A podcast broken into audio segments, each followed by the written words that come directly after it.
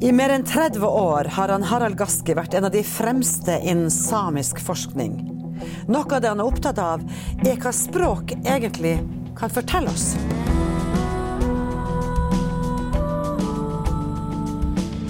Observatoriet er en forskningspodkast fra UiT Norges arktiske universitet. Med Geir Hevnskjell Ringvold, mannen som lurer på det meste, og Marit Anne Hauan, som bokstavelig talt lever av fortellinger. Og en ny, spennende forsker hver uke.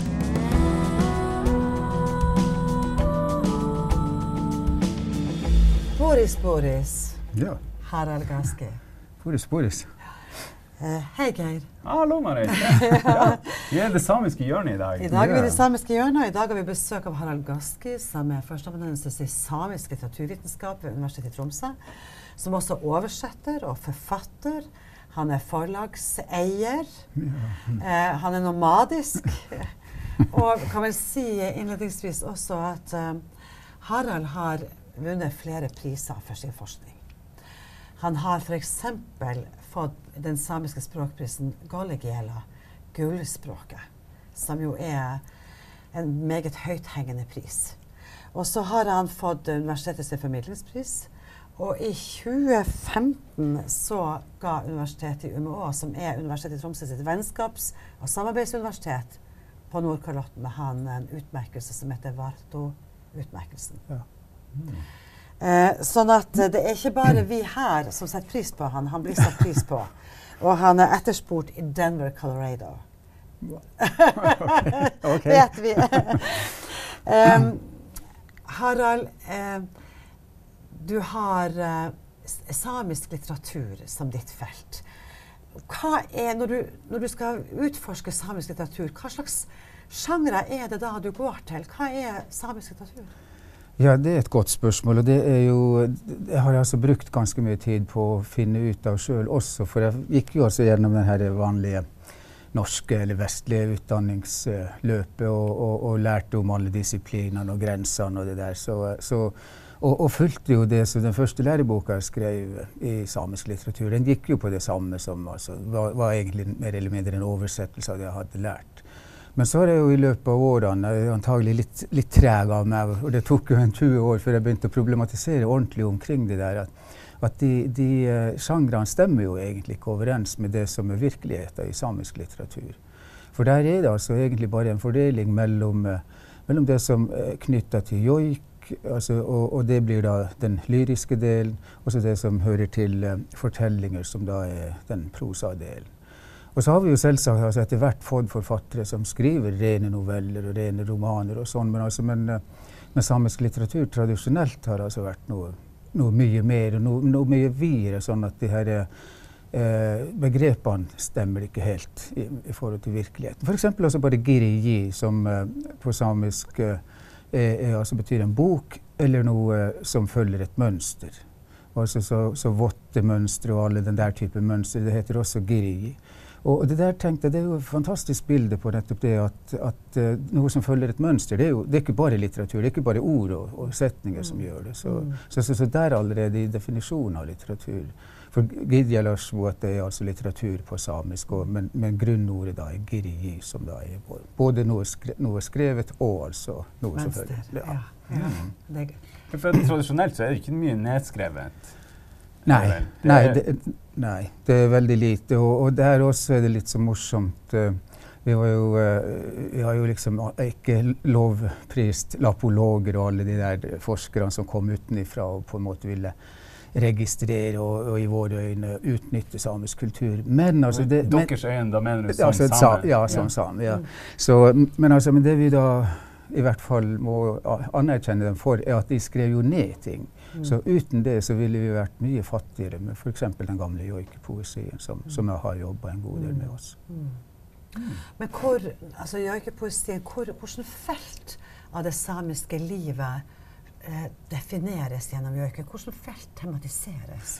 Ja, det er faktisk hele livet. Så, altså, så for joiken har, eh, tror jeg, hatt en utrolig sentral posisjon i det samiske. Det har det jo for så vidt fremdeles, men, altså, men tradisjonelt i alle fall. Så, For det var, det var liksom det var både den eh, som uttrykte eh, kristen, eh, kristen religion Mm. Men altså hel, igjen så, så er det for så vidt ikke religion i og, i og for seg, men, altså, men, eh, men verdensanskuelsen, synet på livet, altså hvordan, hvordan du skal leve som et ordentlig menneske her på jord. Og så, og så ble jo også joikepoesien brukt som, eh, som for å fortelle myter, og, og også den samiske historien er beskrevet gjennom joik. Mellom to veldig lange joiker, som det heter, som altså er sånn muntlig fortelling om hvordan samene kom til samelandet og, og bosatte landet. For alle, alle, alle har jo kommet Ja, nei, jeg har jo prøvd å argumentere overfor historikere at her er jo kjempemateriale, men få, få dem med på noe. det er bare vi folklorister som skjønner det. Men du, skal vi Marit er også folklorist. Er folklorist, Ja, ja. ja. Men, um, og da er det jo også denne muntlige tradisjonen som er mitt materiale. Mm. Ja. Og, um, og motsetninga mellom historikere og oss som går bare på det muntlige materialet, er at vi er ikke så opptatt av når, hvordan og hvem. Ja. Vi er opptatt av de verdiene og holdningene som du Mm. får presentert. Så vi sier jo at sannheten ligger i den menneske... Ver verdensanskuelsen, ikke Ja, sant? ja. Men du har tatt den forskninga videre fra den samiske joiken og den samiske fortellingen til også å arbeide med urfolksmetodologi. Ja. Hva er det? Ja, ikke sant? Ja. ja altså, eh, I alle fall først så vil jeg gjerne si at, eh, at det var for så vidt en naturlig forlengelse. For, eh, for før jeg da, da ble høtt henta, som man sier på nordnorsk, til universitetet, så, så, så jobba jeg som journalist i, i NRK eh, Sápmi, eller det heter jo Sameradio. Og, og der hadde jeg kulturstoff, eh, og, eh, først og fremst. Og, og der var det oppdaga det var veldig naturlig å, å, å se på det, her, altså det, det samiske uttrykket i, i forbindelse med, med, med nabofolkene, og etter hvert også det at samene ble så aktivt med i urfolksbevegelsen. Så, så sånn sett så, så starta det jo for så vidt med kunsten også, kunst og politikk. og og, og så, eh, når jeg da begynte å jobbe med samisk litteratur, så så jeg jo mange paralleller til indiansk litteratur, som jeg hadde lest litt før. Så, så det var jo naturlig å utvide og prøve å finne noen felles referansepunkter og sånn. Og, og fikk etter hvert også kolleger først og fremst i USA, og, og, og, diskuterte med dem altså sånn ulike måter å tilnærme seg den litteraturen på, og ulike måter å forstå den og tolke den.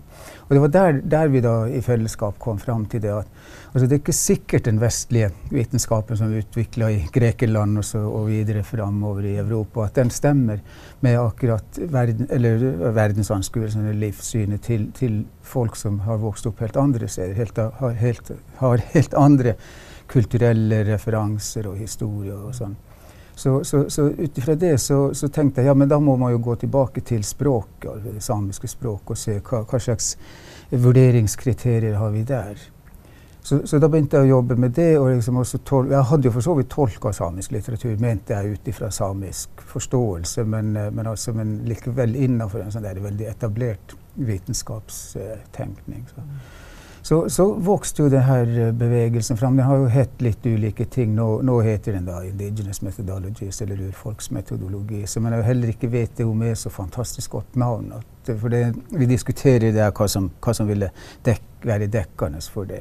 Men, altså, men det, det, er bare det at det, man, da prøver man å å gå ut ifra den lokale forståelsen og bruken av kunst og det som da defineres som kunst og kulturuttrykk. Og, og altså at, å, å, se hvordan det har blitt forstått, og, og så da i neste omgang gjerne sammenligne det med det som, eh, som, som altså er innenfor den etablerte vitenskapen. Men også i den der sammenligninga så er det artig å se på hvordan andre urfolk gjør det med omtrent likedanne tradisjoner. Så. Mm. Og, så, det har, eh, så, så jeg jobba veldig lenge praktisk med det, men, eh, men, eh, men jeg starta altså med teorier når jeg kom på universitetet. Så hadde jeg lang lang, lang tid med å applisere det og bruke det i praksis. Så, så, så nå er jeg på tur tilbake til teorien. Så, så nå er det veldig morsomt å skrive sånn teoretisk også omkring akkurat det der. Så det, Men du har sagt i Du har en artikkel som, som ikke er helt fersk og ny, men som, som har en, en tittel som alltid er fersk og ny i mine ører. Den heter 'Et språk å fange rypa i'. Ja. Og i den, når jeg leser den, og det gjør jeg innimellom, eh, så tar jeg den opp igjen, så så har jeg den fornemmelsen av at, at du mm, prøver å lete frem samene sitt syn på språk. Ja. Er det et spørsmål du stiller deg? Hva slags syn har samer på språk? Ja, og enda videre, altså, hva, altså, hva, hva innebærer det altså, hva, når man bruker samisk? Og, og, det, og det er nettopp det som er det spennende. Og, altså, for jeg har jo samisk som morsmål og farsmål, og, liksom vokste opp med det og studerte sjøl også. Sånn at, at eh, å, å ha et mer sånn der, litt sånn eh, en litt sånn filosofisk tilnærming til språket og hva det hva, altså, inn, hva, hva er det språket forteller oss? For det er jo først og fremst et kommunikasjonsmiddel. Men, men det er jo også reservoaret for nemlig kulturkunnskap og alt det som alle Mm. har samla seg opp gjennom generasjoner. Så, og, og det der er da uh, Igjen, altså jeg gikk tilbake til noen barndomsminner med hvordan min onkel lærte meg å sette opp rypesnare.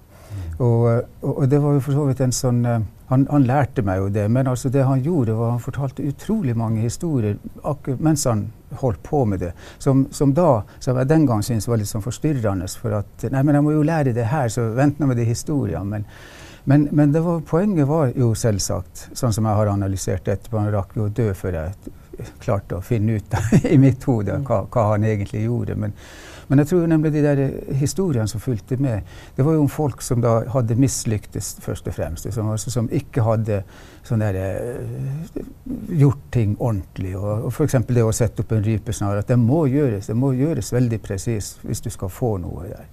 Fange noe. Og, og, og han sier jo altså eh, For jeg husker eh, den historien var om, om en som da ikke, ikke hadde gjort det riktig, og dessuten gikk seg vill og holdt på å egentlig omkomme på fjellet. Så, liksom, så, så jeg spurte jo ja, hva, hva har det med meg å gjøre. Og, så, og, de svarte jo aldri direkte. Det var liksom sånn der, ja ja, men det vil du nå oppdage.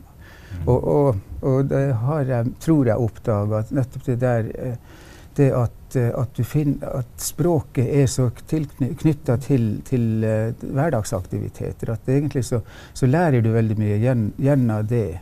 Og, så, og at språket da også har den dimensjonen med at den, eh, den inneholder den kunnskapen som, som altså tidligere generasjoner har samla, og som da er, som, som er der. Som et potensial som for så vidt på en måte gjør seg gjeldende akkurat der og da når du trenger det. Så, så det morsomme var når jeg skrev den artikkelen, at, da kom jo nettopp der, det barndomsminnet fram når jeg skulle skrive om, om eh, språk. Og, og, og, og nettopp det at språk er jo noe som du kan bruke til å fange med, og det er noe du kan fanges av og fanges i. Så, så nettopp det at språk er en snare, det, det er jo en metafor.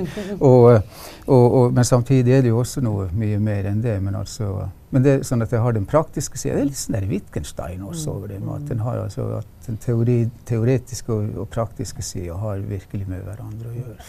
Men akkurat tilbake til dette med, med det, det at du har beveget deg ut i mange landskap, at du har vært, um, vært tilgjengelig for eh, etniske festivaler, etniske institusjoner, urfolksinstitusjoner, miljøer. Særlig det, selvfølgelig det samiske området, men også internasjonalt. Em, det er jo en, en sånn veldig mange kjenner til deg, men også fordi du har vært oversetter og tolker av tør jeg å si Sápmis eh, største kunstneriske personlighet til nå. Nils Aslak Valkeapää, eller Ailoar som han også kalles. Em, kan, du, kan du gi oss noen få ord om Ailoars?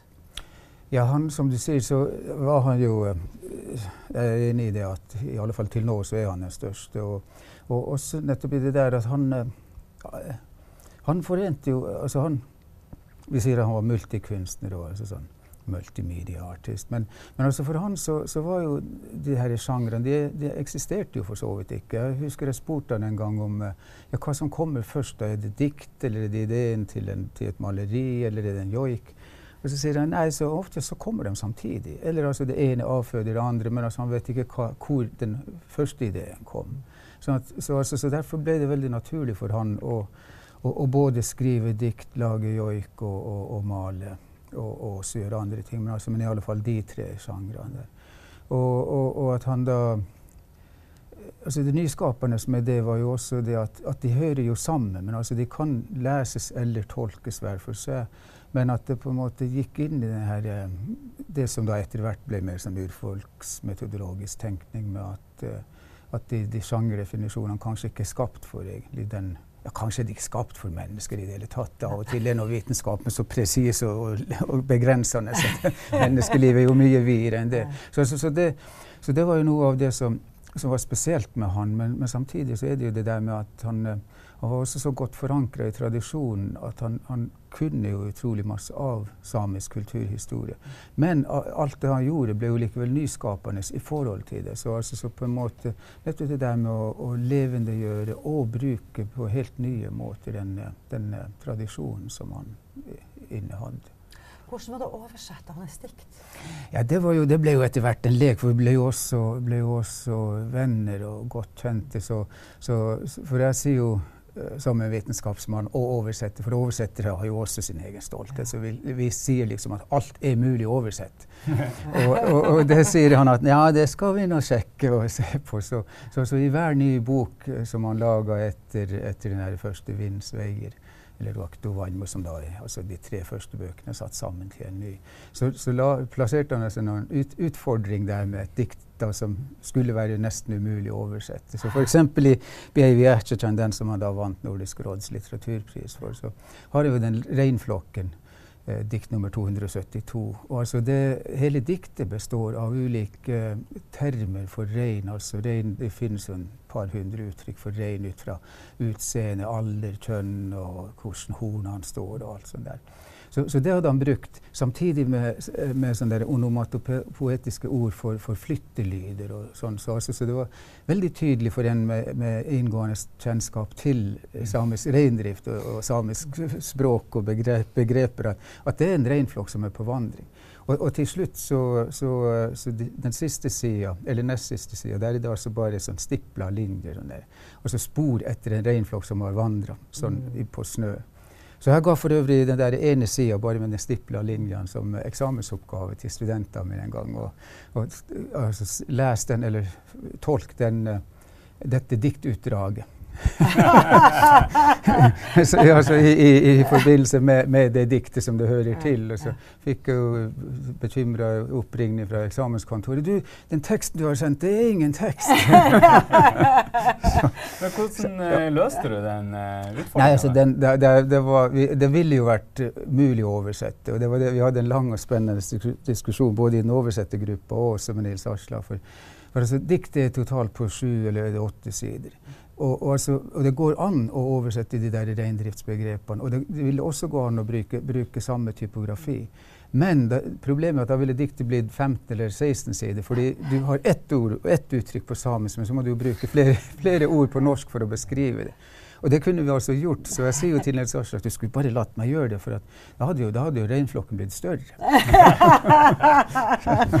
men vi har fem samiske språk eller dialekter Stemmer det? Ja, ja, det kan du si. Altså tre ja. hoved, og så har du altså, ja, det, For det er nord-, sør- og lulesamisk. Ja. Og så har du Ume og pite også. I, no, i Norge. Og så har, altså, to, totalt har vi jo ti. for at og det er liksom litt morsomt nå at uh, alle, alle, tre landene, altså Norge, Sverige, Finland og også Russland, for så vidt, har, har tre hoveddialekter. sånn at til sammen så er det liksom det tretallet som går igjen. Litt sånn derfra historier også.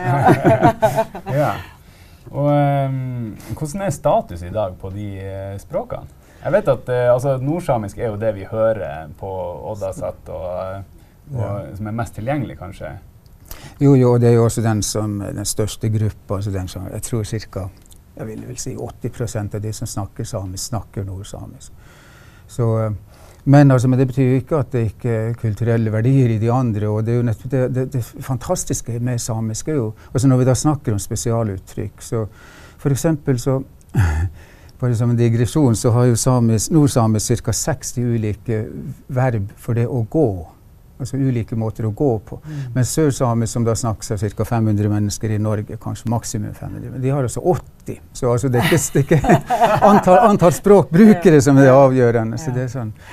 Det Men vi sier jo at man, man er så redd for det, det, biologiske mangfoldet. Vi er jo enige om i verden at vi må sikre det biologiske mangfoldet. 4-6% av artene er, er, trua.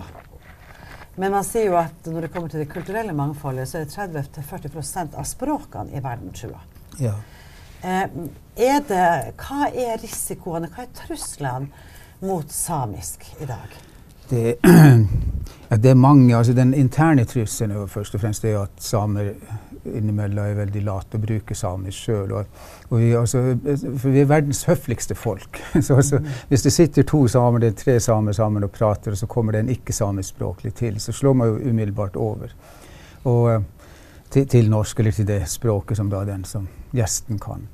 Og, og, det er jo så høflig, men samtidig så, så i, i, den minoritetssituasjonen som samene er i, så, så, opplever vi jo det der daglig. sånn at egentlig f.eks. på utesteder også, så blir jo altså, Det er bare norsk som man blir, mm. ender opp med å snakke. så eh, så, så, så, men ellers så er det jo også hele denne lange fornorskningstida som da virkelig nå først slår ut. Altså, selv om den da offisielt tok slutt på 60-tallet, så, så, er det jo de, de, generasjonene etter det da, som ikke formidla språket videre til sine barn. Og, og, og altså, da, der får du også dere, altså, det me mellomleddet som da mista språket, og som nå prøver å ta det igjen gjennom sine barn og barnebarn gjennom skole og barnehager. Og, så, så, så det er en veldig stor aktivitet på det språklige området. men men, men, det er jo små miljøer, og, og, midlene blir, ser ut til å bli bare mindre og mindre til språktiltak. Så.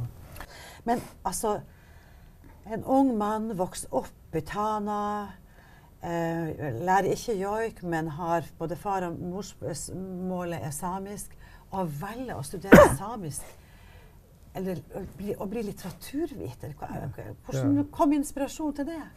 Ja, det gjorde nettopp Nei, jeg skulle jo eh, Det har jeg for så vidt aldri fortalt, men jeg skulle jo bare gjøre et stopp i Troms og studere samisk, for jeg hadde jo lyst til å, til å bli flinkere å skrive det. For at, eh, jeg hadde, jo ikke noe samisk i skolen, men eh, så, så kunne jo eh, snakke det og også hadde lært meg å lese det, men, også, men i alle fall for å kunne lære noe mer grammatikk. så men så, men så, ble jeg jo grepet av faget, da, så, og, og, og så, så altså så mange andre dimensjoner ved. At det var liksom ikke bare sånn der, eh, verktøy som jeg skulle lære for. Eh, så, og så hadde jeg også en fantastisk lærer i Nils Stjernsletten, som da var utrolig flink å bruke alle kaffepauser til, til den, der, den indirekte samiske kommunikasjonen med å, liksom, å snakke om andre ting som var spennende, og lage gode historier om, om tidligere forskere og alt sånt der. Så, altså, så hele fagfeltet ble utrolig spennende.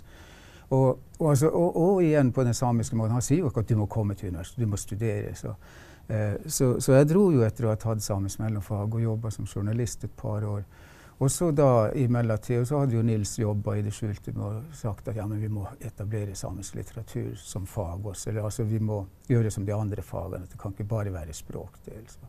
Og jeg har en person som virkelig passer inn i den stillinga. Så, så, så, så, sånn endte jeg opp der, da, og, liksom, og, som vi var inne på, så, ble det jo litteratur fordi det var det jeg var henta inn for å bygge opp. Men, altså, men egentlig Min stilling har jo for så vidt vært stilling i samisk kultur og forståelse og hva sånt der. Mm. Så det, han, han, hadde et språk å fange deg i? Ja, det stemmer. Ja, ja, akkurat. Det har jeg. Ja, akkurat. Du er jo fra en, eh, altså oppvokst i en generasjon hvor du ikke hadde et valg om du fikk uh, gå på skole med samisk som hovedmål eller ikke. Det var norsk. Ja. Og jeg, har vel, jeg er 33 år og er fra en generasjon hvor uh, det har vært uh, helt OK. Ja. Hva skjer i neste generasjon? ja, ja, Hvis det skulle fortsette, så blir jo samisk obligatorisk fag. og, og, det, ja, bør det jo for så vidt. Altså, jeg syns jo egentlig alle i Norge burde lære noe om samisk. Og jeg syns det er en skam for na nasjonen at altså, lærebøkene er så elendige på det samiske innholdet. Så, så, så, så der, der, har jeg jo slåss en kamp som jeg er jo ikke ferdig ennå, men, altså, men, jeg har i hvert fall ikke lykkes så langt. For jeg har prøvd hele tida å argumentere overfor skolemyndighetene om, om det. Altså at, og også behovet for å ha samiske lærebøker. For ofte altså når, det, når, det, da er norske, så låner de fra tidligere bøker, og så blir det liksom det man legger vekt, vekt på, er nemlig den samiske motstanden mot alt. Så altså, samiske barn, skolebarn må jo få det inntrykk at samer er mot alt. For altså, det er jo det man Det er Alta, Kautokeino-opprøret, det, var, det var opprør i 1852, det er motstand mot uh, inngrep og alt sånt. Så, så altså, sånn at den, der, den rikheten i samisk kultur, som, uh, det, det, kommer aldri fram. Det er altså det som er spenninga i det samiske. Så Derfor så tar det litt tid før det kommer inn i skoleverket, og at, og liksom at ikke-samer også begynner å bli mer interessert i det. Mm. Det syns jeg er et veldig viktig poeng. Sånn Avslutningsvis så er det jo veldig viktig det du poengterer, at konflikt er valgt i veldig mange sammenhenger som det punktet man formidler rundt eller til andre med. Du nevnte Alta-saken, Kautokeino-opprøret. Eh, og vi har tungt for å få øye på de gode kontaktsonene, der man faktisk mm. virker sammen. Og man kan jo vi har sett det i idrett, men i fotballag. Når et fotballag er ute på banen, så er de det laget. Da vil de eh, vinne, ikke sant. Mm. Eh, Pol Polarstjerna vil vinne i Vadsø. Den vil det er ikke noe tull her. Men i, når du dissekerer fotballflokken eller laget, så ser du at det er i alle fall tre, og har vært det ja. siden fotball ble en folkesport, vært tre nasjonaliteter. Og det behøver ikke være mest norsk, det kan ha vært mest mm. samisk. Så hvordan, hvordan, får vi opp disse kontaktsonene og vise at veldig mye godt samliv har vært med på å bygge fabelaktig Sápmi? Ja, ja det, det, er jo det som blir utfordringa. Altså, når du sier det sånn det gode samlivet, så kan man jo for så vidt også tenke på altså Det finnes jo veldig mange sånne kryss, et, kryss etniske ekteskap og, altså der samer har gifta seg med andre, og andre har gifta seg med samer. Altså, men, og, men, likevel så har da samisken veldig ofte overlevd. Altså til, til da den der fornorskningsperioden, altså påvirkningen av den. Men, men, i alle fall at, at det samiske må jo ha hatt en verdi for samer, fordi at man har holdt på det.